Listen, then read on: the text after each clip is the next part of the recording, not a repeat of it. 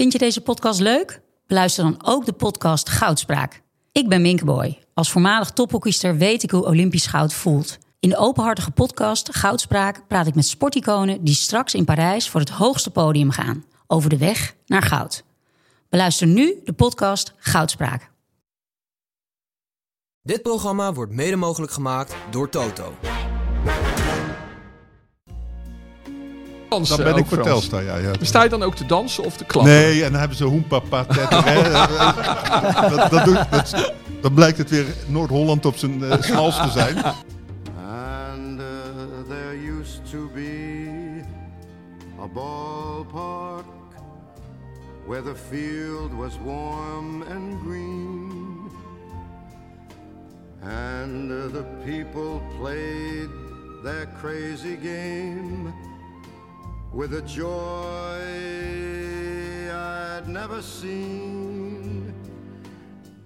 Dit is Hartgras 136. such a wonderful Naast mij zit Ivo Victoria. Tegenover mij Wessel Penning. En naast hem zit Frans Tomezen. Als ik een beetje gek klink, dan komt dat omdat ik me op een gruwelijke manier verslapen heb. Ik heb deze drie eh, collega's minstens 20 minuten laten wachten, waarvoor 17 keer excuses. Maar Henk, was het de droom dit, dit eh, uitstel waard? De, die droom die je had? Ik droomde, en noem het gerust een nachtmerrie, dat ik een podcast moest maken met Harry Vermegen.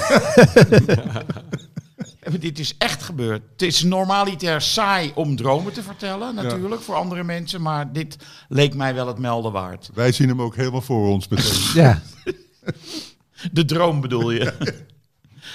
Eh, ik wou even iets voorlezen. Eh, we moeten het hebben over de nieuwe Hartgras. Omdat we hebben het eigenlijk in de podcast misschien een fractie te weinig over Hartgras het blad. Waarop iedereen zich zou moeten, moeten, moeten, moeten is dwanghuil is kindergezang, maar kunnen abonneren. En eh, dit is een verhaal in de nieuwe Hartgras van Arthur van der Boogaard. Het is eh, ongeveer, ik dacht 28.000 woorden. Noem, noem het maar een long read. En het gaat over het WK Vrouwen. En met name over de rol van Andries Jonker in eh, het hele proces van het eh, bouwen van een nieuw team. En ik wou even een vrij significant stukje daaruit voorlezen. Ehm, en dat begint met de hoofdstuktitel Eind oktober 2022. Ze twijfelt weer. De boodschap van zijn assistent Smit is duidelijk.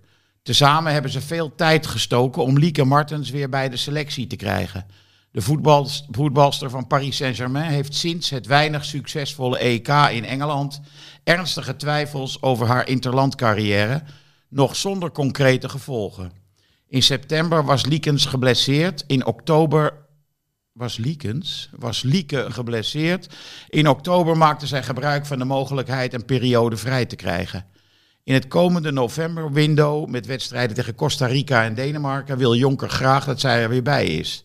Smit had meerdere malen contact en reisde speciaal naar Parijs om met haar te praten. Ook Jonker heeft haar uitgebreid gesproken. Of beter gezegd, hij luisterde vooral geconcentreerd naar haar bedenkingen en hij beloofde, waar dat mogelijk was, verbeteringen. Hard werken en hard trainen door de hele selectie en door alle stafleden is daarvan de makkelijkste belofte. Net zoals hij het niet moeilijk vond haar in haar aanvallen, aanvallende kracht te laten voetballen. Andere zaken, zoals onterechte kritiek op haar spel, zijn lastiger te voorkomen. Maar Jonker heeft Martens beloofd haar beter te beschermen tegen eventuele opdringerige media. Eh, punt. De waardering en aandacht deden haar goed. Dat Jonker zo duidelijk meedenkt over de overvolle agenda's van topvoetbalsters is ook lovenswaardig. En haar band met Smit is al langer goed. Dus uiteindelijk vertelde Martens dat zij in november weer wilde aansluiten. Maar onlangs zei ze tegen Smit toch weer te twijfelen. De assistent belde direct naar Jonker. Misschien moet jij haar nog, nog een keertje bellen, zei Smit. Ik denk dat je gelijk hebt, antwoordde Jonker. Zodoende belde hij met haar en hebben de bondscoach en zijn potentiële sterspeler ook deze keer een open gesprek. Lieke, zegt Jonker, jouw betekenis voor het Nederlandse voetbal is heel groot. Je bent de eerste en enige Nederlandse speelster die de gouden bal heeft gewonnen. Je maakte als eerste Nederlandse speelster een grote transfer. En als ik dat mag zeggen, je bent ook de eerste die serieus geld is gaan verdienen met voetbal. Enfin, de rest eh, is geschiedenis, want deze twee coaches hebben Martens dus ehm ertoe weten over te halen om zich weer beschikbaar te stellen. Met echt uitstekende gevolgen. En eh, dit geeft een inzicht in de verschrikkelijk gedetailleerde manier waarop Arthur dit verhaal heeft geschreven. Eh, hij had bijvoorbeeld eh, tijdens het WK dagelijks contact met Jonker. En hij, hij heeft details genoteerd die zeg maar de volgers van het Nederlands team ter plekke nooit hebben geweten of hadden kunnen weten. Dus dit is echt een steengoed verhaal in de traditie van klassieke sportverhalen. Een van de redenen waarom ik zeg, koop hard gras. Waarvan akte. En jij hebt het gelezen? Ja, ik heb het gelezen en ik, ehm, ik vond die, eh, die, Wesselpenning. ik vond die opbouw van. ehm, eh, kijk, wat ik, wat ik het verschil vind tussen eh, eh, de- het, vrouwenelftal van nu en laten we zeggen anderhalf jaar geleden, is ehm, je ziet niet zoveel zwakke plekken meer. En ik vind het zelfs nu al, zelfs pas tegen Engeland, vond ik het ook alweer beter dan tijdens het WK.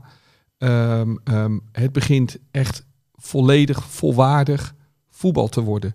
De, de, de ontwikkeling van die sport, die is nogal, ja, het heeft lang geduurd in Nederland, echt veel te lang. Maar in ieder geval, nu is het zich echt aan het ontwikkelen. En je zag altijd nog een paar spelers dat je dacht, ja, die is gewoon niet zo goed eigenlijk. Dit kan eigenlijk niet meer. Maar ja, nu, nu bijvoorbeeld staat er die Dijkstra in als centrale verdediger in plaats van die van de Gracht. Wat natuurlijk een lekkere ouderwetse eh centrale verdediger was die heel goed kon koppen.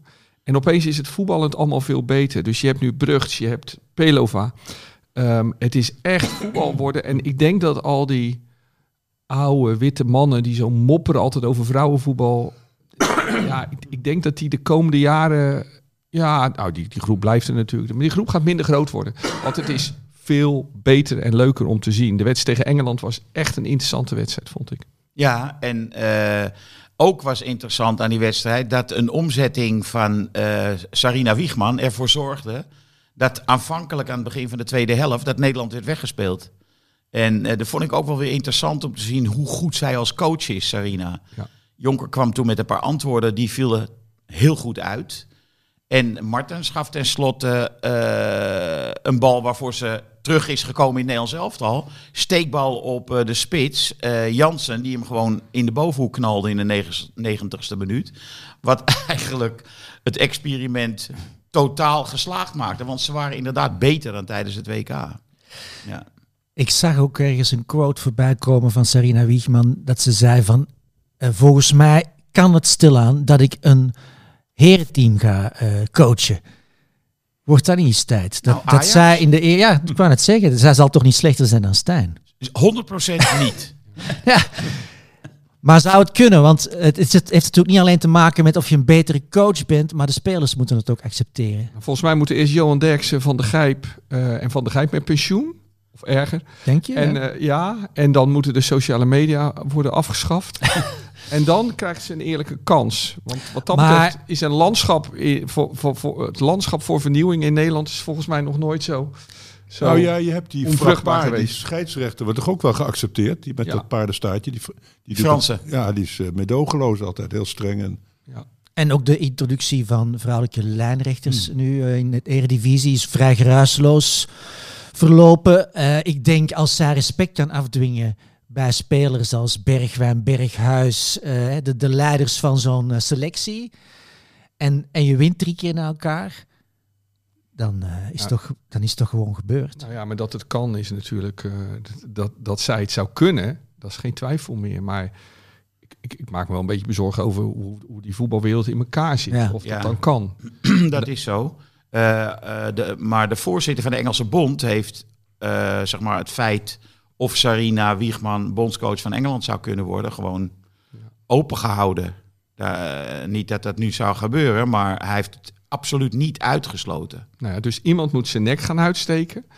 En de voetballerij barst over het algemeen niet van de moedige mensen. Nee, moet je horen, Ajax, daar zitten nu eh, twee eh, mannen van 77 aan het bewind. Ik Ja. bedoel, daar hoef je echt geen moderne, moderne veranderingen van te verwachten. ja, en toch gebeurt ook bijvoorbeeld bij het hockey, wat altijd dan zogenaamd progressief is en zo, omdat die mensen iets meer opleiding hebben en dergelijke. Eh, daar zelfs bij het hockey zie je eigenlijk nooit vrouwencoaches bij de mannenteams. Wel in de jeugd, eh, maar dat zie je bij voetbal ook wel eens. Dat zijn de moeders. De moeders, ja. Ja. Maar de, als het hè, serieus wordt, om zo te zeggen, dan zie je toch dat vrouwen vrouwen coachen en mannen mannen. Hey, en, bij de, en bij de jongste teams, de jongste jongensteams, Nee, daar maakt het niet uit. Dus daar dat- zie je wel veel. ja. Maar dat is in het voetbal al niet. Hè? Dus, Nee. dus daar is het hockey het alweer op vooruit dan. Ja. En Ja. de- dan is er nog een probleem. Wiegman is natuurlijk eh, gewoon een heel, heel goed betaalde coach. Vermoedelijk hebben ze haar contract eh, verhoogd. Denk ik dan zomaar na het WK voetbal, finale gehaald. Dus eh, die verdiende iets van 500.000 euro. En nu zit ze waarschijnlijk, de- ik denk hoger, je weet het niet zeker. Maar eh, een gemiddelde eredivisieclub kan dat niet betalen, gaat dat niet betalen. Nou, bij de top drie wel. De top drie kunnen dat betalen, ja. Ja. Zit Ajax er nog bij dan? De- laat ik zeggen, de traditionele top drie. Ja. Feyenoord hoorde daar ook altijd bij, vanuit traditie. Maar nu... eh, Ja. Ik weet niet wat, eh, wat Stijn verdient. Maar elk eh, dubbeltje boven de ton is eh, te veel natuurlijk. Die moet be- betalen om het stadion in te mogen. onkostenvergoeding. Contributie. Nou ja, het is inderdaad een ontzettend goede... Wat? Die zou contributie moeten betalen. Ja. Nee, het is voor hem is het gewoon een hele goede manier om zich te profileren voor niks. En dan later de vruchten plukken. Alleen dat eerste lukt nog niet helemaal. Nou ja. Ehm, deed Bobby dat nou expres? Die wordt natuurlijk weer volkomen uitgescholden eh, door de, het, fijne, het fijne voetbalvolk in Nederland. eh, omdat hij eh, die keeper Nee. blesseerde. Maar ik, ik Absoluut. heb Nee, hij probeert er overheen te springen, maar die keeper heeft ook gek zijn hoofd vrij hoog. Terwijl meestal zie je dat een keeper toch met zijn arm zijn hoofd beschermt. En hij doet dat niet. Dus, eh, niet dat ik hem zelf de schuld van wil geven, maar het is een ongelukkige... het is gewoon een botsing. Het was gewoon zeer ongelukkig, ja. Maar wat is, wat is er nou precies gebeurd? Want waarom moest hij worden gereanimeerd? Nou, als je, als je tegen je slaap een klap krijgt, ik weet het van boksen, maar het is ook met hockey bijvoorbeeld vallen, dat dood je bij. Als je echt een, een hockeybal keihard op je slaap krijgt, of een, of een, of een eh, rechtse hoek op je slaap, kun je dood zijn. Het schijnt zo te zijn dat het sinds Nouri het protocol is om eh, onmiddellijk eh, reanimatie te doen wanneer iemand eh, buiten Westen is. Dat klopt. Eh, en dat eh, was al een FIFA-protocol. En dat hebben ze bij Nouri nagelaten. Had dat eh, gescheeld dus. Dan hadden ze direct moeten reanimeren. Ja, maar dat is medisch falen geweest, dat is Ja. toch duidelijk. Ja. dat is- Nee, dat klopt. Da- die, die dokter is ook eh, ontslagen. Ja. Maar dit had misschien gecommuniceerd moeten worden, want nu was iedereen in paniek, de voetballers ook. Ook door omdat ze met zo'n, met zo'n ding kwamen aanlopen. Ik Ja. zou ook wel schrikken hè, als een van mijn... eh, Hij had blijkbaar ook zijn, eh, had zijn tong ingeslikt, Ja. als ik ook ergens. Ja. Dus dat is, Ja, dat is ook met Dat is Ronaldo. De, grote Ronaldo had dat ook, hè? ja. Ja, dat is de heel gevaarlijk. Soms dan halen medespelers dan die, tong tong, eruit, hè? terug. Hè? Dat, dat, Ja. dat lees je wel eens. Ik heb met verwondering, ik zat eh ESPN te kijken. En ehm, ehm, ja, daar was men heel erg van slag in de studio ook. En ja, ik vond dat dus gewoon niet goed. Ik, je bent in de eerste plaats, ben je journalist. Kijk, dat analisten als Mario Been en Marciano Vink helemaal van de kaart zijn, dat snap ik wel. Maar ook de presentatoren van ESPN zijn journalisten. En nou, wat gebeurde er nou in de wereldgeschiedenis bij grote gebeurtenissen? Dan had je van die anchorman van, van, van BBC of, of, of eh, eh, ABC. Ah, het was bij Eriksen was dat toch al? Ja, Ja. ja. maar Dat was Jeroen Elsof dan moet, mij. je, dan moet je gewoon gaan rustig gaan praten. Dan ga je die uitzending voor. Maar ze, ja, ze wilden nergens meer over praten. En, en ja, iedereen Ja. was van slag. Ja, je mag van slag zijn. Maar Je moet wel je werk je doen. moet je werk doen. En dus ga jij onbe, on- heel je, werd, je werd er zelf als kijker ook niet kalmer van. Nee. zeggen, ze gingen het eigenlijk alleen maar groter maken. Je, je gaat nuchter doen, je gaat Ja. verslag leggen. En toen kwam ook de verslaggever ter plekke die zegt... eh, ja, we willen het niet meer over de wedstrijd hebben. En, ik, eh, en eh, RKC heeft gezegd, we doen geen updates. En ik wil dat ook allemaal niet weten nu, de medische updates. Toen dacht ik, ja, maar wacht nou even. je moet aan nieuwsgaring doen. Ja. Maar de Maar- NOS maakt het nog bonter, vond ik. Nou, ik vond dat eigenlijk wel meevallen, Frans. Wat deden Want die? die gezien. Wedstrijdverslag gewoon. Nou, die, die Op de radio. Je hebt het op de NOS eh, samenvatting Eredivisiewedstrijden. Ja, maar die, die deden gewoon het programma. En die deden toen de samenvatting tot dat moment. En toen gingen ze er gewoon over praten. Want kijk, weet je, de wereld kan vergaan. Er zijn hele grote wereldproblemen. Maar het voetbal gaat altijd door. De hele avond wordt er er geluld over voetbal, terwijl de hele grote zaken. Nu ligt er een keeper op het veld. En opeens stopt alles, wil, willen we nergens meer over praten. Ja, Ja, er was geen informatie natuurlijk. Hè. Dat maakt maakt het ook wel... Nee, maar ik vind wel, dan is juist je plicht als journalist om, eh, eh, eh, om rustig te blijven. Kijk, vorige week we hebben in Rotterdam natuurlijk een heel erg incident gehad. Donderdag. En dat komt dan heel dichtbij als je in de stad woont en je kent het ziekenhuis en zo. En, en, en dat allemaal. Maar er was dus een van mijn collega's, een, eh, een echte stadsverslaggever, zo'n echt geweldige ouderwetse stadsverslaggever, Marcel Wijnstekers. Die was daar in die straat. Familie van? Nee, nee, geen familie. Ik heb het ah, heel in de vette, heel in de vette. Maar die was daar in de straat waar eh, eh, de dochter des huizes kwam aanlopen op het moment dat dat en dat ze dus zag wat er in haar huis gebeurd was, was de moeder. Dus die zag verschrikkelijke dingen. Die zat s'avonds in op één en die vertelde: ja, ik zit dan mijn stuk te tikken op de redactie. Want je denkt ook als journalist, oh, dit is heel mooi, dit kan ik allemaal heel mooi opschrijven. Die zat bij op één en die brak. Kijk, dat klopt.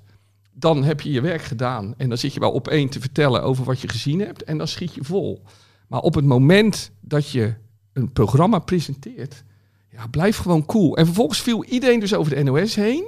En, en dan stond en dan werd er weer gezegd, Marciano Vink zei, ik wil helemaal niet meer over voetbal praten. En dan zie je weer, en dan komt dat verschrikkelijk cliché op, eh, op sociale media. Want weet je wat Marciano Vink nu is? Een hele grote meneer. Ja. ik, word, ik, ik, ik kan me dan zo ergeren aan dat gebrek aan professionaliteit. Niet van Marciano Vink, want die is geschrokken. En Mario Been ook. Maar je bent journalist of je bent het niet. Maar dit is toch ook het gevolg volgens mij van die druk van social media en van dus voortdurend beoordeeld te worden door de Dat is het, buitenwereld. Het per se goed willen doen. Ja. Dus we mogen, eh, en dan krijg je een soort van omgekeerde reactie. We mogen het nu zeker niet meer over voetbal hebben. We moeten nu. eh, ja, want anders gaat iedereen weer lopen schelden. Ja, anders krijgen, we, de- het. krijgen Ja. we het allemaal over ons heen. Ja. En dan krijg je een soort van ja, overcompensatie. Dat is het eigenlijk. Ja, precies dat. Hypercorrectie. Ja.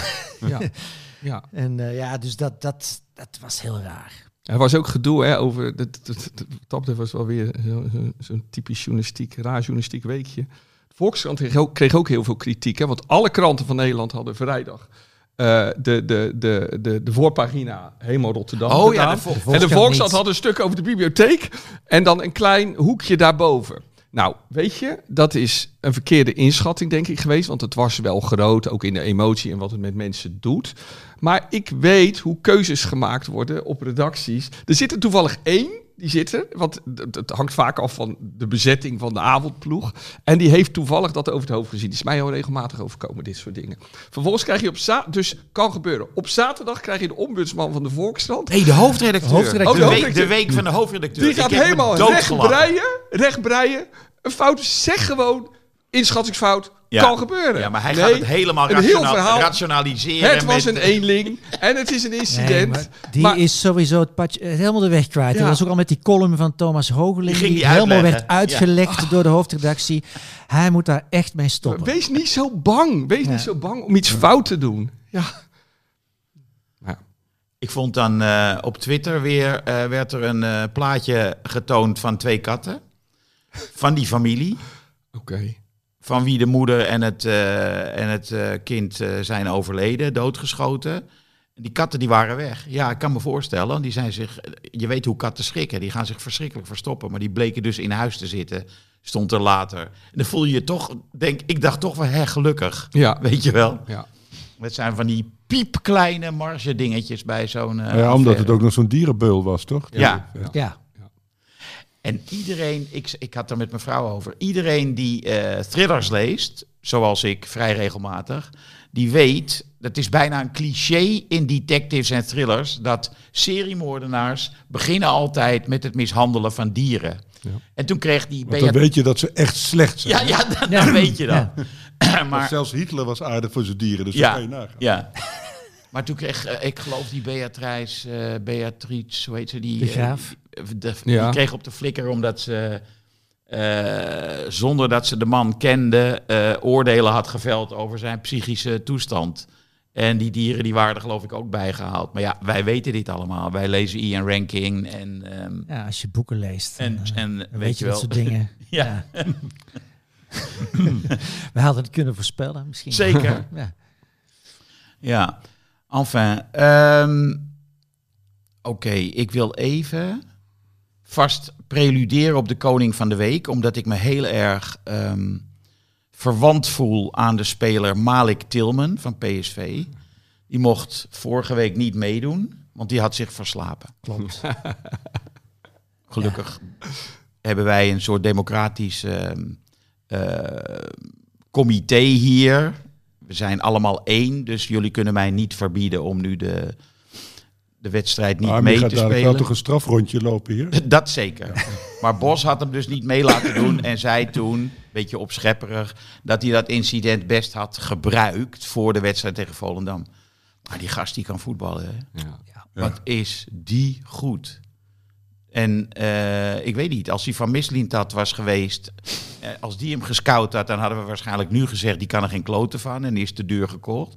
Maar hier heeft de scouting van PSV wel een... eh, Hij is toch gehuurd? nou ja, zoveel scouting. ja, hij is gehuurd, maar met een, hele, met een redelijk lage Ja, Koop, optie tot eh, koop, ja. 13 miljoen. Oh, je moet ze doen natuurlijk. dus Meteen, ze- ik zeg nu al, ik heb geschreven met terugwerkende kracht kopen. ja.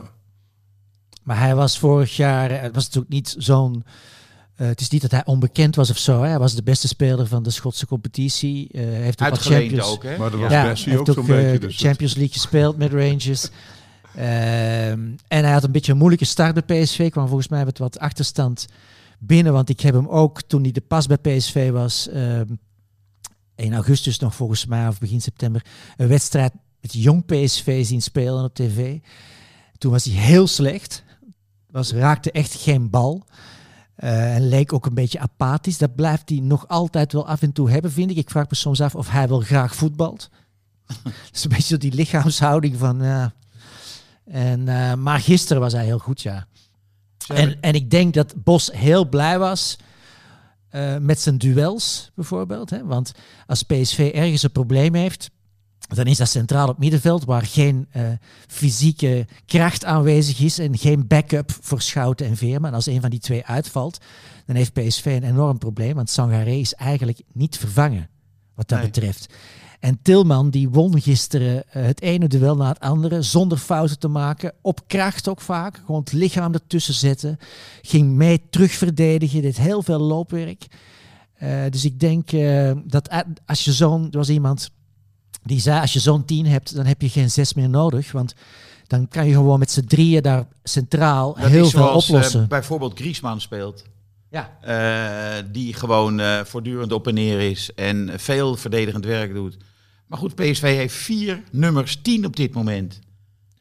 Dat is wel een beetje een probleem misschien. Nou, Til die draagt het nummer, of niet? Ik vind het- ik vind- ja, je bent geen nummer 10 als je toevallig het op je shirt hebt staan. Nee, maar hij Maar, speelt maar ook goed, hij speelt top ook op 10? die teampositie principe. Ja. En dus ze hebben nu eh, Saibari. Saibari, Til, Babadi en Tilman.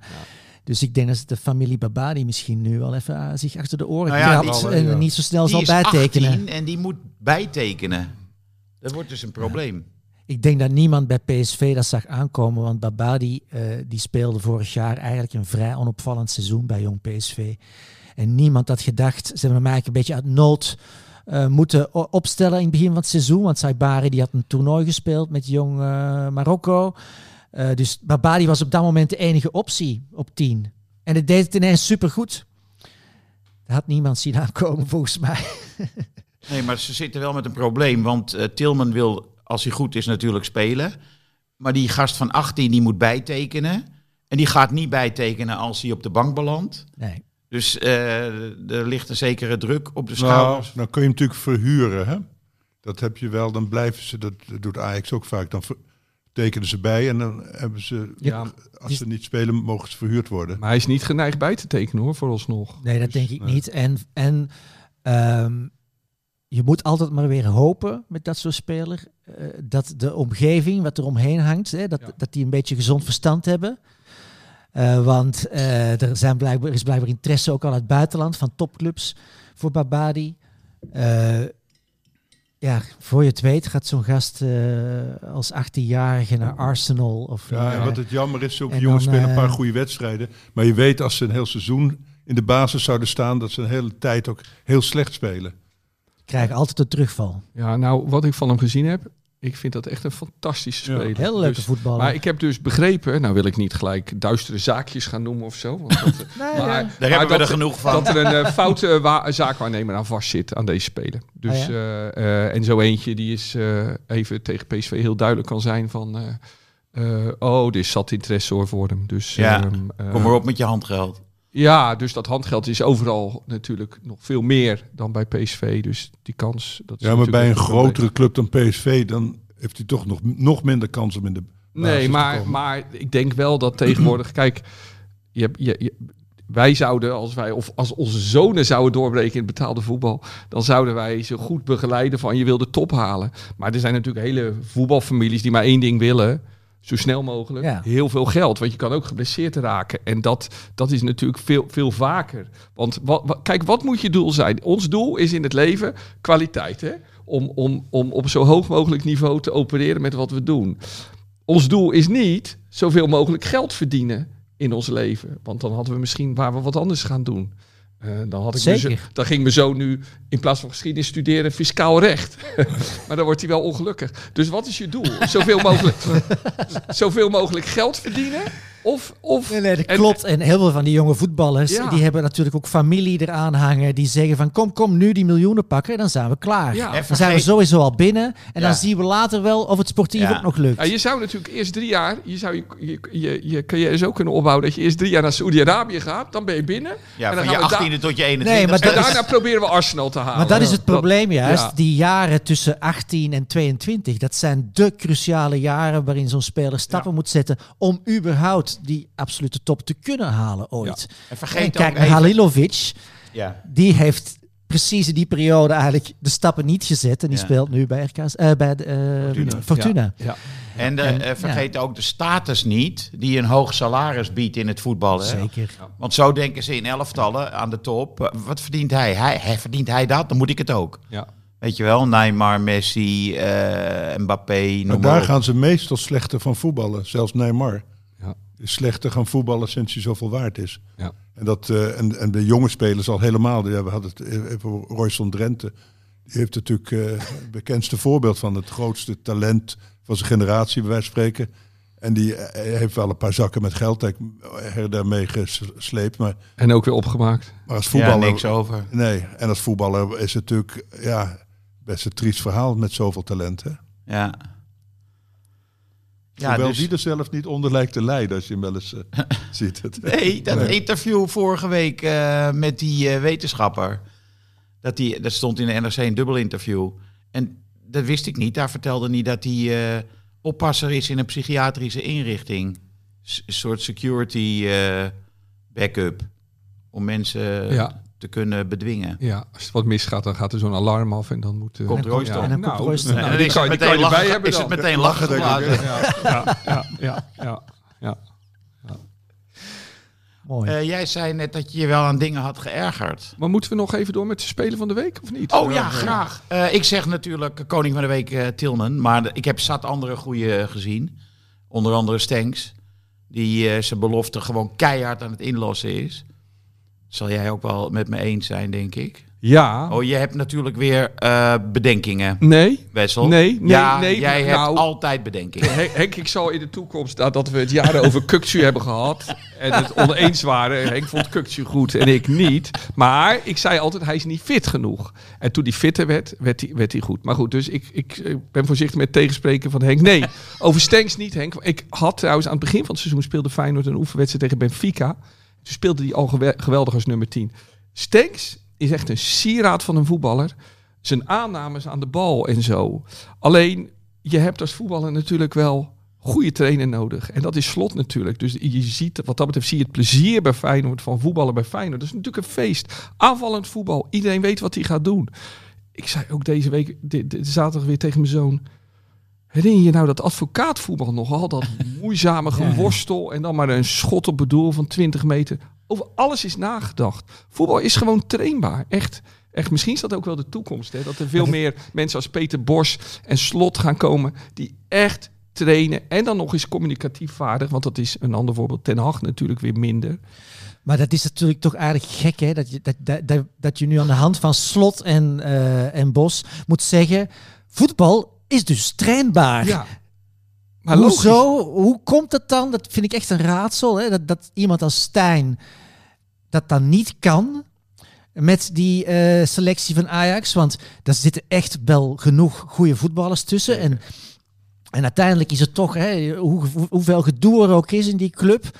Uiteindelijk is de realiteit, elke dag staan er twintig jongens op het trainingsveld wiens beroep het is om te voetballen. Ja. En daar staat een coach voor wiens beroep het is om die jongens een, hè, Ja, maar ik een denk dat de patroon in te slijpen. Waarom lukt dat niet? Ja, omdat de realiteit is dat er meer goede voetballers zijn dan goede trainers. Ja. En ik denk, als ik naar mijn eigen kinderen kijk in hun sportcarrière, heel weinig goede trainers gehad. En heel veel hele slechte Wat is dan, hoe komt het dan dat zo'n slot, want ik heb ook echt veel bewondering voor slot. hè. Als je Feyenoord ziet bewegen, vooral de manier waarop de spelers bewegen, daar is PSV is daar volgens mij nog lang niet aan toe. Dat gaat toch echt nog wel wat stroever. Wat is dan die kwaliteit van slot? Hoe komt het dan dat hij, weet hij dingen die anderen niet weten? Ik bedoel, zo kan het, alles is toch bekend? hij- wat Henk zei, hij, hij Ja. communiceert. Stijn zegt ook, ik heb het allemaal uitgelegd. En het hangt op een bord in de kleedkamer. ja, Alleen die spelers eh, snappen er niks van. of Je die zag laatst luisteren ook, niet. Je had die wedstrijd, welke club was het ook weer met dat papiertje, dat ze er niks van snapten. Oh, dat was gisteren. Dat zag Ja, ik bij ook, Volendam ja. was dat. Die hadden een heel erg ingewikkeld eh, Ja, soort organogram van het Ja. elftal hadden Er ze stond, er meegenomen. ontstond gewoon een studieclub op dat terrein, En die- op dat veld. Ja, maar die trainer had ook al gezegd: dit gaan we over vijf minuten Ja. doen. Dus ze hadden vijf minuten, het leek wel een quiz. Te veel informatie gewoon. Wat was het ook? Welke wedstrijd ook? Volendam was het. Volendam, Volendam, ja, PSV. Het was Oh, het ja. werd En dan liep 2-1 en toen kregen ze dat A4'tje. Meestal is het zo'n klein papiertje, maar dit was echt een A4'tje. Ja, Hij Ja, vond het eerst zo ingewikkeld, heeft hij het maar in zijn sok gestopt. Ja, nee, binnenkort geven ze gewoon die hele iPad. Lopen ze met die iPad over het veld. Nee, maar je, jij zegt net, Frans, jij zegt eh, de, de trainers die mijn zoon heeft gehad in het leven. Maar kijk nou eens naar sowieso onze eigen trainers, maar ook leraren die we hebben gehad. Dan kan je toch over je hele schoolcarrière, er waren er toch Ja. ook maar twee, drie die goed waren. Ja, dan overdreven. Ik Nou, had ja. de laatste een die over, was overleden en dacht dat was een goede leraar. weet je Nee, maar oké, twee of drie die goed waren, maar, maar geen, niet dat, dat de hele school, dat alle leraren op de school door de ondergrens zakten. Nee. Nou, dat is wel. wat er nu Hebben we gebeurt. wel gehad. Jawel, ik zie het bij mijn kinderen ook. Een aantal, Ja, maar ik niet, heb maar heel- niet dat, dat, ja. dat, dat, dat, dat eh, structureel. Jawel, eh, ze staan meestal maar gewoon wat 50 minuten die kinderen helemaal suf te kleppen met on, volkomen oninteressante informatie. ja, ze lullen zich nou in pensioen Ja. toe. Ja, Maar waarom lukt het Stijn dan wel bij Sparta? Want vorig jaar zaten wij ook heel vaak Stijn te bewieroken. Klopt. Sparta was een collectief, het zat goed in elkaar. Bart Vriends, Eh, ja. Bart Vriends, Haroui, die andere Marokkaanse jongen. Allemaal oudere spelers. Mhm. Die waarschijnlijk het spel beter begrepen dan Stijn. En die het... eh, eh, eh, Haroui was toen al weg hoor. Oké, ja, nee, ik weg. bedoel die andere jongen. Ja, eh, die zijn... Awassar. Awassar, Ja, precies. precies. Ja. En eh, ik denk dat die het gewoon... eh, dat die het merendeel van het werk deden in het veld. Nee, dat maar had je vroeger bij Ajax ook, hè? De tijd dat hij die, al die Europa Cups eh, ophaalde. Dat maakte helemaal niet uit wie de trainer was. Nee, nee, nee, klopt. Hadden ze Kovac en Ivi, die haalden ze over vandaan. Die, die gingen gewoon gezellig in de dugout zitten. Ja. En Cruijff, die Als, zei als wel de trainer was geweest, dan kwam Cruijff en dan werd er geluisterd. Ja, Ja. ja. Maar dat heb je vaker bij to- eh, topteams, hè? Nou ja, Van. Hanegem bij Feyenoord bijvoorbeeld. Ja. Eh, samen met Wim Jansen. Die maakte toch gewoon de dienst uit. Ja. Ja, nee. Ja, Willem zegt altijd, Willem vindt Nee, trainers Happel- echt heel irrelevant. Ja, maar Happel was, was natuurlijk wel ook goed. zichzelf. Hij zegt alleen, eh, je, je vertelt wat je wilt doen en vervolgens moeten zij doen in het veld gewoon. Dus, dus, dus je wil dat spelers zelf beslissingen nemen. En, en, en hij zegt dat het meeste in het veld gebeurt en dat je vanaf de lijn niet zoveel invloed hebt. Ja, maar dat bedoelde Dus, ik. ja. Van Hanegem, de speler. Ja, Ja. ja. Oh, de speler. Ja, Ja. klopt, precies. Nee, maar, en hij zegt als trainer ook. Hij zegt, ja, ik vind niet dat ik zo'n grote rol had. Want je moet alleen zorgen dat je de spelers in het veld hebt staan... die zelf het kunnen ombouwen en zelf de beslissing kunnen nemen. Want bijvoorbeeld wat Jonker deed, om daarop terug te komen... Hè, opeens ging Engeland 4-3-3 spelen... waardoor opeens Brugs en Pilova een, tegen, rechts of links buiten tegenover je hebben... wat natuurlijk je schrikbeeld is als aanvallende voetballer... Ja, spelers zouden dat zelf. Die, die, die, de spelers eh, namen toen een andere beslissing om, te- om te bouwen. Dat draaide hij weer terug. Maar ja, ik geloof wel, als je goeie, hele goede spelers hebt, die kunnen natuurlijk heel veel in het veld. En ik denk dat Vriends, intelligente gast, Ouassar, Ja, slimme klopt. jongens. Ja. En dan heb je natuurlijk ook altijd wel, ik denk dat, dat tot een bepaald niveau het niet heel moeilijk is om af en toe een heel goed seizoen te hebben met een ploeg. Ik denk dat Stijn echt een prima Eredivisie trainer is. Tot de middenmoot of zo, Ja, denk ik. En eh, ik vond, kijk, Bert van Marwijk is ooit van Fortuna naar Feyenoord gegaan. Hè? En die, die werd eerst weggepest door Van Hooijdonk en zo. Toch En- nu even Cup gewonnen. hè? Wel nu even Cup gewonnen. Altijd de vraag geweest, wat was de invloed van Van Marwijk? Want dat heb ik in zijn hele carrière altijd een vrij angstige coach gevonden. Ja. Die niet altijd de beste spelers opstelde. Die vooral een beetje de kerk in het midden hield. En Slot legt alles uit. En, en ja, nou, ik denk dat dat gewoon een soort... eh eh, eh, Goede wonder- pedagoog. Ja, en, Ja. en een soort eh, ouders in het onderwijs. Hij heeft eigenlijk alles. Hè. Als je vrij- vrijdagmiddag luister ik tegenwoordig live naar die persconferentie van Slot. Ja, die, die, die, die, het lijkt erop dat hij altijd eerlijk is. Dat hij het altijd precies uitlegt. Hij laat zich niet... Hij, hij slijmt niet bij journalisten. Het, het is, eh, eh, hij weet het gewoon. Ik moest zo lachen met Hans Kraai die hem interviewde. Ja. En over Minte begon van... eh, ja, maar hoe, hoe heb- maak je contact met hem? Kan die wel... Kan die praten? Kan die wel Engels? Ja, ja dat, is gewoon de, dat is gewoon de taal in Hij kan volgens mij geen Engels. Ja, toen zei Slot heel gevat. Misschien niet jouw Engels. Nee, maar Gambia is een Engels sprekend land. Dus, eh, het is echt... eh, ja. Maar die gast die was ook goed, hè? Ja, De nou, manier waarop hij die goal maakte, jemig. Ja, wat dat betreft wil ik Ja. zeggen, ik, ik, ik wil best meegaan in Tilman, want ik vind dat echt motorisch en qua aanleggen voetballen naar, het naar mijn hart. Maar ik ben wel, ik sluit alleen niet uit dat hij voor de echte top te veel veerman is uiteindelijk. Zo'n voetballer die alles al heeft, zoals Halilovic dus eigenlijk, hè, die echt rasvoetballen, die komt er niet altijd. Dus, maar ik wil er wel in meegaan, maar ik wil even over Ja, fysiek veel sterker Ja, ja, dan ik denk Veerman, wel. toch, joh. En Tilman komt Ja. uit Amerika Amerikaanse eh, mentaliteit, Ja, hij is een hoge dus intensiteit. goede eh. Hij heeft wel iets flegmatiek, toch? Ja, ja, maar, ja, maar hij is ook een beetje flegmatiek, vind ik. Nee, Het komt vooral door zijn, door zijn gezichtsuitdrukking en door zijn lichaamstaal dat je denkt van jongen, jij zit gewoon helemaal niet graag op voetbal. Ja, Maar gisteren zag ik wel in het spel iets heel anders. Ja, ja, maar goed, dan komt Bos weer. Dan moet hij dus mensen eruit gaan houden en zo. Dus dan moet, moet hij weer beslissing. Misschien vond hij het wel fijn dat hij zich versliep. Dat hij hem niet hoefde op te stellen. Dat hij Toen, had. ja. Ja. Nou ja, hij heeft ook met Schouten bijvoorbeeld wel in het centraal gespeeld. Ja. Dat zou je ook kunnen doen met die Ramaljo. Dat snap ik nog steeds. ja, maar dan moet je. Veerman offeren. Ja, Nee, maar Veerman Nee. met, Veerman met eh, Tilman en, ja dat en kan. Saibari. of Ja, zoiets. maar dan Ik denk moet niet je... dat hij dat nog gaat doen, want eh, Schouten was geen succes achterin. En ze Ja, hebben nu Bella Kotschap. Nee, maar ze hebben nu Bella Kotschap en die Oh ja, gaat Bella spelen. Kotschap. En Boskagli gaat dan de voetballende verdediger zijn van achteruit. Ivo, Dus, wat vond meer een jij... middenvelder dan een verdediger trouwens. Wat vond jij als PSV'er van het spel van Veerman tegen Arsenal? Ja, ik heb gehoord wat jij ervan vond. Kijk, ehm, Ik, Ik- ben niet per se PSV'er. nee, precies. Nee, hij kwam daar langs, op alle, langs alle kanten tekort. Hè? Maar ik denk wel dat dat ook eh, komt door de manier waarop Bos daar heeft gevoetbald. Eh, PSV ging bij momenten druk zetten tot aan de 16 van Arsenal. Ja, Ja, dat is volstrekt idioot. En ja. dan zijn er mensen die zeggen. Ja, het is wel goed dat Bos, hè, eh, en dat vind ik ook. Bos vast, houdt vast aan zijn filosofie, wil altijd aanvallend spelen. Maar je kan ook aanvallend spelen en 20 meter lager druk zetten. Maar- Je hoeft daarom niet het veld zo groot te maken. Ja. En hij maakte het middenveld daardoor groot, want achterin durfden ze niet altijd eh, doordekken.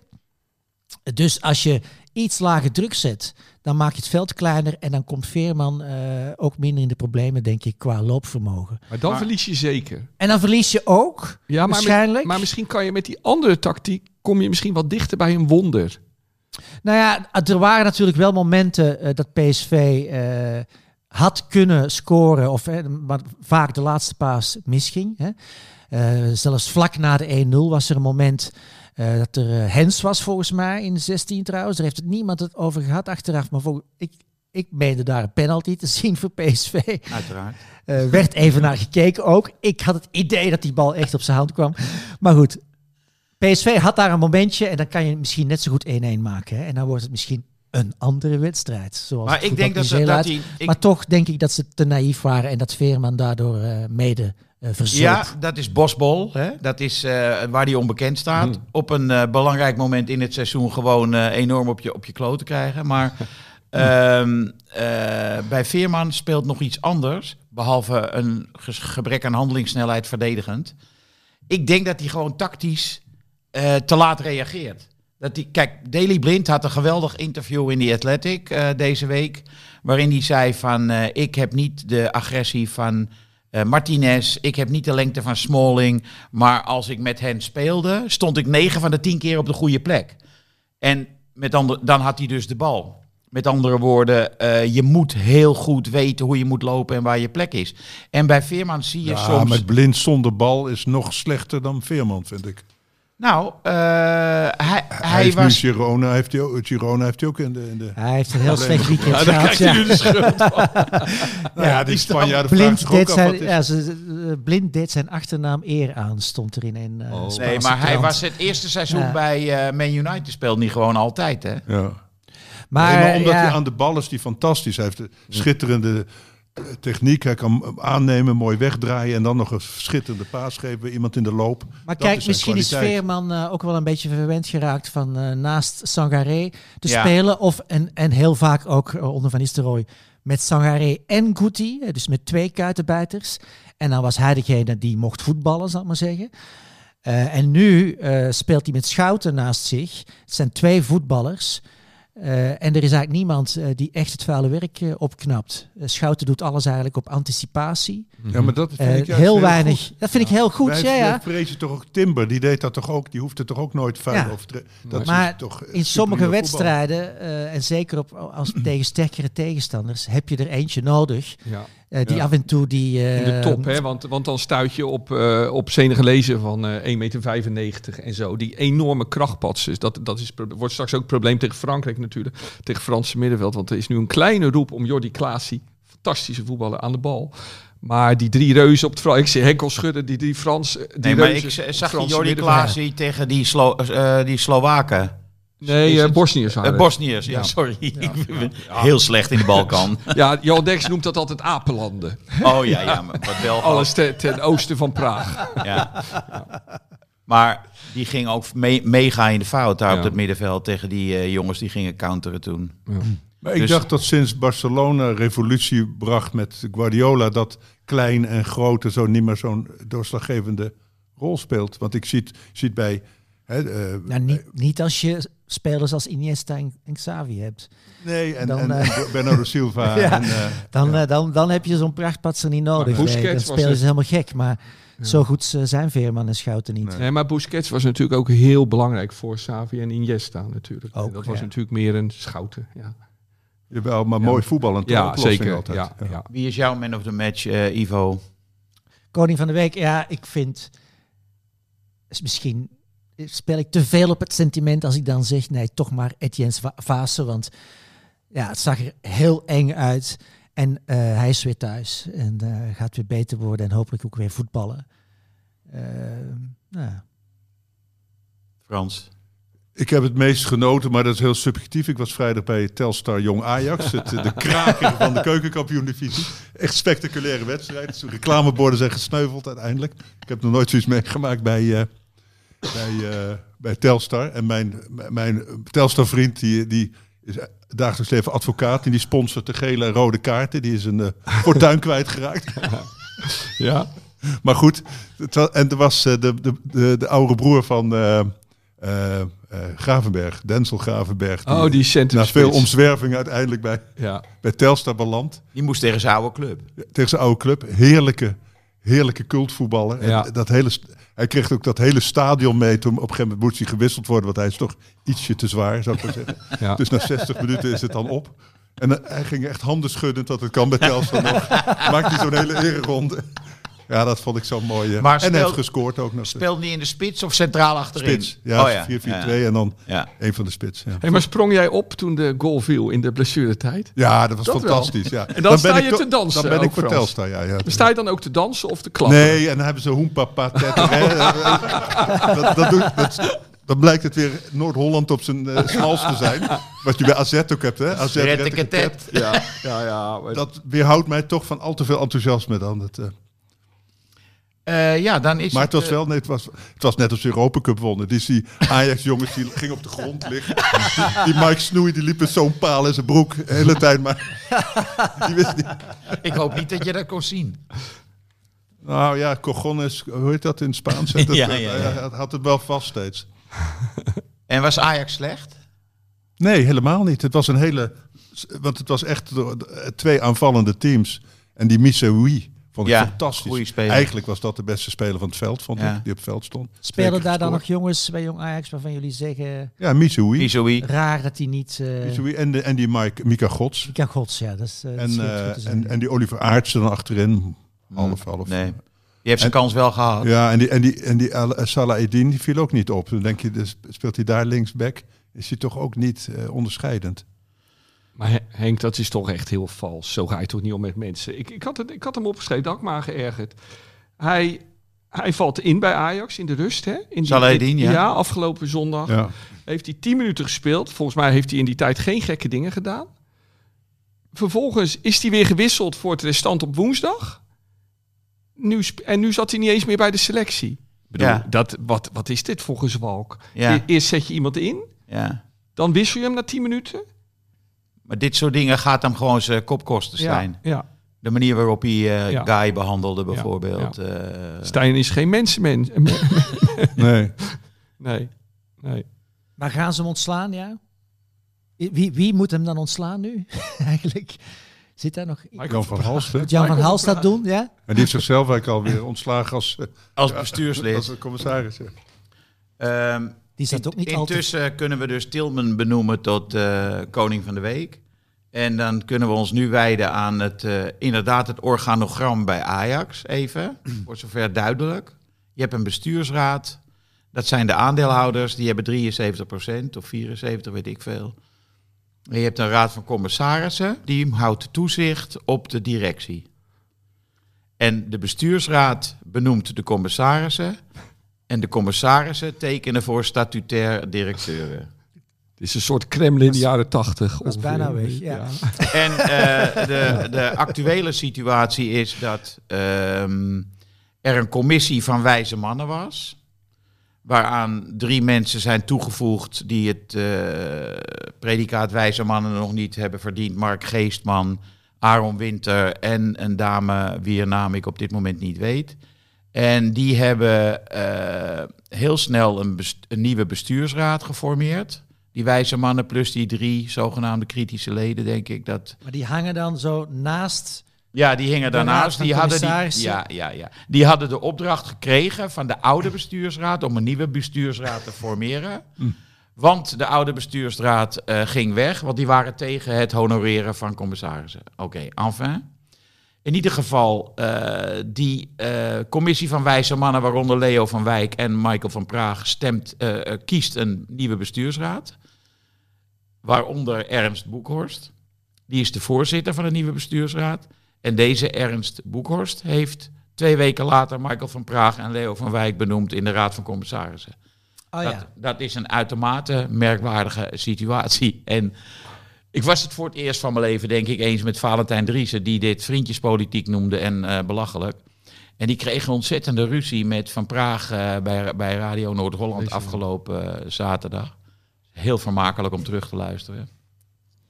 Maar zo is dat gegaan. Dat kan toch niet? De Ik- een benoemt de ander en de ander benoemt de een als dank. Het blijft eh, wonderlijk hoe dat soms gaat bij voetbalclubs. Het amateurisme, niet alleen bij Ajax trouwens. En ook de, de, de on- ontluisterende snelheid waarmee zo'n club dan kan afgeleiden. Ik bedoel, in België heb je het zelf gezien met Anderlecht. Ik zou zeggen, als ik Ajax was, kijk goed naar wat daar gebeurd is en realiseer je hoe snel het kan gaan. Want je denkt, die arena staat daar, die club die kan eigenlijk niet kapot. Maar als je ziet hoe snel Mislint dat er 125 miljoen, eh, of hoeveel was het, doorheen heeft 115, gejaagd.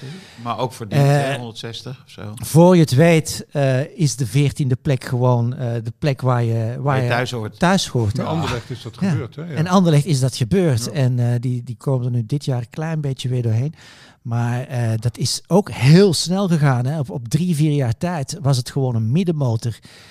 Eh, met, op, hetzelfde, op dezelfde manier, hè, met ondoorzichtige eigenaarsconstructies, met bestuursleden die kwamen en gingen, Ja, met ik iemand. had het inderdaad wat Henk net al uitlegt. Dus dat is. ik, ik heb misschien ADHD of zo, maar ik kan dat niet eh, volgen. Zo. nee, dat is, dat is toch. Ik vind het heel knap van Henk dat hij dat, Ja. die lijnen zeg maar, in zijn hoofd heeft zitten. Maar het zijn een soort wormen die eh, bij mij...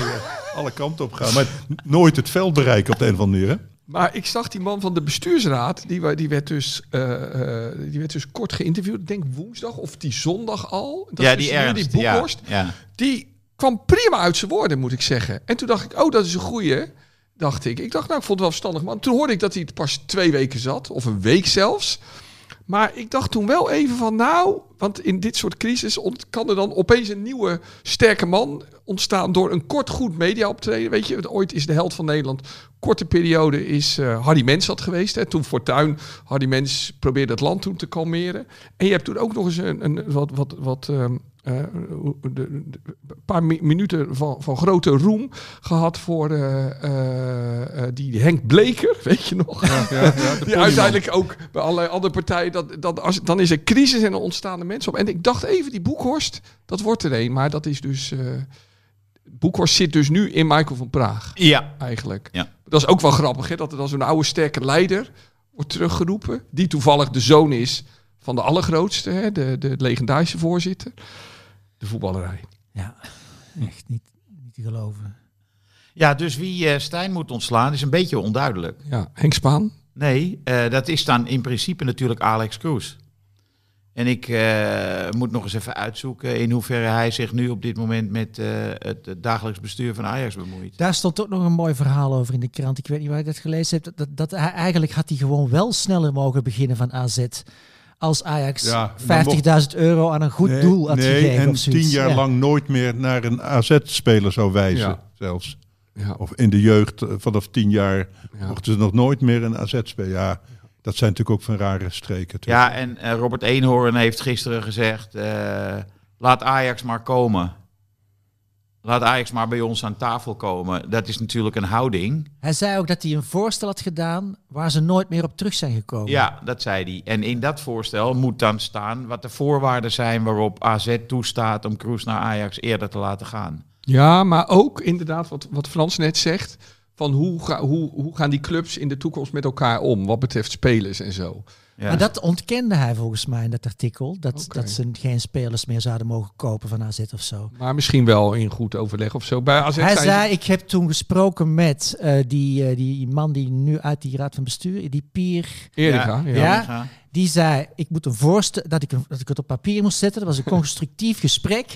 Hij heeft het daags nadien eh, op papier Gemaild, gezet ja. en nooit meer iets vernomen. Ja, maar, maar die Kroes zelf zegt daarover, eh, zo simpel is dat echt niet. Weet je wel, en, en die Kroes wil natuurlijk niks liever dan morgen beginnen. Ja. Hoewel, maar goed, ik Ja. denk het wel. Maar dat hij, hij, hij- als hij zou weten dat Ajax het traineert, zou hij er wel druk op gaan zetten. En dat doet hij dus niet. Nee. Hè, dus ik denk, Nou ja, wat ik je- denk wat- wat en, je- ik, en, en als gezien het verleden van AZ met slot. Ja. En ik moet denken, Volendam, Eitings, eh, AZ met slot. Het is gewoon Noord-Hollandse bekrompenheid, negatief soort denken. Heel zielig, waar ze uiteindelijk zich, zich keihard in hun eigen voet mee schieten. Ja, Nou ja, bij AZ zijn ze boos, hè? want Slot is natuurlijk naar Feyenoord gegaan toen, op een bepaalde manier. Pusic ook, eh, natuurlijk. Ja. En dan heb je nog twee belangrijke jeugdtrainers, geloof ik. En, dat is helemaal het ergste, we hebben ook de dokter van ze afgepikt. Ehm, wat over zijn eh, Rotterdammer is en waar ik als jochie nog mee op een schoolplein heb gevoetbald. Dus dat is best logisch dat hij uiteindelijk van AZ naar Feyenoord wilde. Maar bij AZ zijn ze wel een beetje de, de nieuwe Calimero's misschien. Het is zo triest dat je dus met Feyenoord ruzie gaat maken en met Ja. Ajax. En, Ja. en zelf gewoon toch nooit de top bereikt. Weet je? Het wordt toch, ook zo wordt het niks, weet je wel? En Eenhoorn had natuurlijk ook Al lang bij Feyenoord directeur van zitten. Feyenoord Ja, willen ja, zijn. ja. Ja. En dan had hij ook best zo'n deeltje willen maken, denk ik. Nou ja, maar het is natuurlijk wel zo dat eh, het zou dom zijn van AZ om dat eh, te bedingen. Want Ajax is natuurlijk ook een soort permanente geldstroom naar eh, Alkmaar toe. Zeker. Tuurlijk, ja. ze hebben heel veel aan verdiend. Ja. Alleen misschien willen ze wel dat ze voor hun 16e jaar niet meer eh, worden weggehaald. Zoiets. Ja, maar die, dat is natuurlijk met Ajax, PSV, bij al die topclubs is dat eh, gevoelig. Ligt Ja, maar dat gebeurt dus wel. Ja, Ja. ja. De eh, Timbertjes eh, komen ook van Feyenoord, Van Feyenoord, op ja. 14 jaar, denk ik, of zo. Ja. Ja. Maar die ene is weer terug en doet het heel goed trouwens inmiddels. Had ik niet meer verwacht. Maar, ehm, maar het is ook dom natuurlijk dat ik dat helemaal niet verwacht op basis van één seizoen waarin die veel Ja, geblesseerd maar jullie kijken eens naar het harde werken, hè? Ja, Dat ja, maar jullie. dat, ja, maar dat, dat is dus... Hij, hij brengt op, op, op het Feyenoord middenveld iets fysieks... wat er nog niet was. Dus je bent het voetballend vermogen van Kukcu weg, maar dan heb je Stenks terug. Dat is ook een hele goede speler. En Kukcu had ook dat strijdvaardige. En nu, nu ja, Feyenoord kan nu, is nu ook beter in, in, in, in het fysieke spel. En dat Ja. moet ook wel als je naar Atletico Madrid moet. Dus dat eh, eh, kan Ja. veel nuttig zijn. Maar hij blijkt dus een goede speler. Niemand heeft het eh, over eh, Atletico Feyenoord. Dat Ja. slot had toen toch dat gedoe een keer Ja, in zo'n ja, ja. oefenwedstrijd. Ja, nee, dat was heel leuk. Maar ik, ik, toevallig hoorde ik er vanmorgen nog wat over in de AD-voetbalpodcast. Hoe dat toen zat. Simeone wist helemaal niet wie de trainer van Feyenoord was. En Slot met een glimlach gaf hem een hand na de wedstrijd. was ook mijn vriendschap. Maar hij dacht dat het gewoon een terrein was of oh, zo. ja. En dus die hem uitdaagde. Dus dat was natuurlijk schitterend. En nu, ja, nu wordt Slot daar natuurlijk naar gevraagd hoe dat is. En dan moet je maar hopen dat dat goed geknipt gaat worden voor de Spaanse kranten. Anders staat Simeone straks die arme Slot eh, eh, op te wachten. Ja. Dus die, die, volgens mij Simeone loopt zo langs die lijn tijdens de dat wil je niet, Die Wil straks die niet, ook Ik heb gekeken gisteren naar Atletico. Ze waren goed, hè? Ja, maar wel gauw 2-0 achter. Ja, heel snel. Ja. Door eh, twee fouten achterin. Ja. Dus Oh ja? dat, ja? Eh, Witzel achterin. Ja, maar die gaat echt niet spelen tegen Feyenoord. Nee, die staat vaak wissel ook. Ja. Ja. Ja. En Jiménez is zo goed, die gaat toch wel scoren, denk ik. Die is geschorst. Oh, die heeft zich geschorst. Ja, ja, maar ze hebben ook Savic, hè, die terugkomt. Ja. Nee, onze, eh, de Feyenoord. Oh, jullie eh, Jiménez. ja, Oh, ja, op zo'n ja, manier. Ja, die, is- dus die, dat, Ja, ja, dat, ja. dat is wel een nadeel. Maar, ja. Nee, maar Heel groot nadeel. Griezmann was weer goed. Korea was goed. Nee, Oh, ik dacht eh, dat hij één wedstrijd, maar de- deze ook Nee, nog. twee. het wordt een probleem. Atletico is gewoon een probleem. Ja. Maar ja, ze mogen hem verliezen. Hè? Ja. Nou ja, weet je, ik heb het vorige week al gezegd. Ik ga erheen. En ik heb gewoon zo ongelooflijk zin in de reis. en daar zijn en daar een wedstrijd. Ik ga naar Atletico Feyenoord, jongens. Al verliezen we met 4-0. Wat maakt het me uit? Oké, wat wordt het?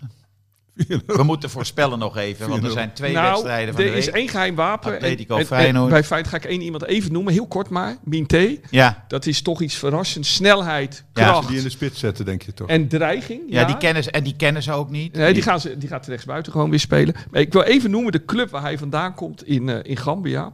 Dat is echt zo'n schitterende Afrikaanse naam. Dat zegt iets over de hele Afrikaanse vrijheidsstrijd. De FC Steve Biko. En, en, en de, de mensen hier weten wel wie dat Ja. is. Sommige mensen die nu luisteren weten niet, maar dat was een vrijheidsstrijder In in het Apartheid, ja. Maar de FC Steve Biko, dat is de, de, ploeg van eh Minte. Ja. Maar goed, Ik vind hem Minte- meteen sympathiek. ja, Minte. ja. Minte, de dreiging. eh, maar ja, nou, 1-1 vooruit. Met heel veel moeite. Ik denk dat het een hele spectaculaire wedstrijd kan worden als Feyenoord gewoon zijn eigen spel speelt. Dus Ja. eh, 3-2 nederlaag. Frans? 2-2. Ik zeg 2-0 voor Atletico, helaas, met bloedend hart. Maar eh, ik zie ze niet... eh, ik, zie, ik zie het middenveld van Feyenoord niet opboksen tegen Saúl en Koke. Maar ik kan me natuurlijk, eh, zoals zo vaak, enorm vergissen. Hij kan misschien de truc uithalen wat hij tegen Ajax deed. Hè? Dat hij Zerouki erbij zette op het middenveld. En dat Ja. hij dan Stenks hangend op rechts zet. Dat zou ik aanraden ook Ja. dan. en dan zou en dan- erbij. Ja, maar volgens mij gaat hij gewoon met drie spitsen spelen. Met, Ja. eh, en Stenks gewoon op 10. Dus, eh, maar goed. Hij doet het natuurlijk heel goed, Stenks. Nu, hè? Ja. Tien, ja. Oké, PSV Sevilla. Ivo 1-1. 1-1. Frans 2-1. 2-0 voor PSV. Ja. 0-0. 0-0. Dan was dit eh, podcast nummer 132. Toch wel tot een goed... Zeg ik dat goed? 136. 100 De muppet. Ik wou, daarna wou ik zeggen toch nog tot een goed einde gebracht. Maar dat is bij deze ontkracht. Yes, there used to be a ballpark.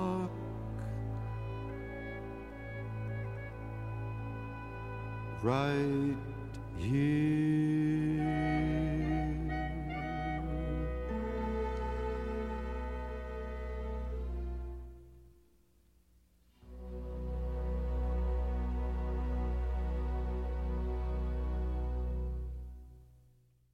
Dit programma werd mede mogelijk gemaakt door Toto.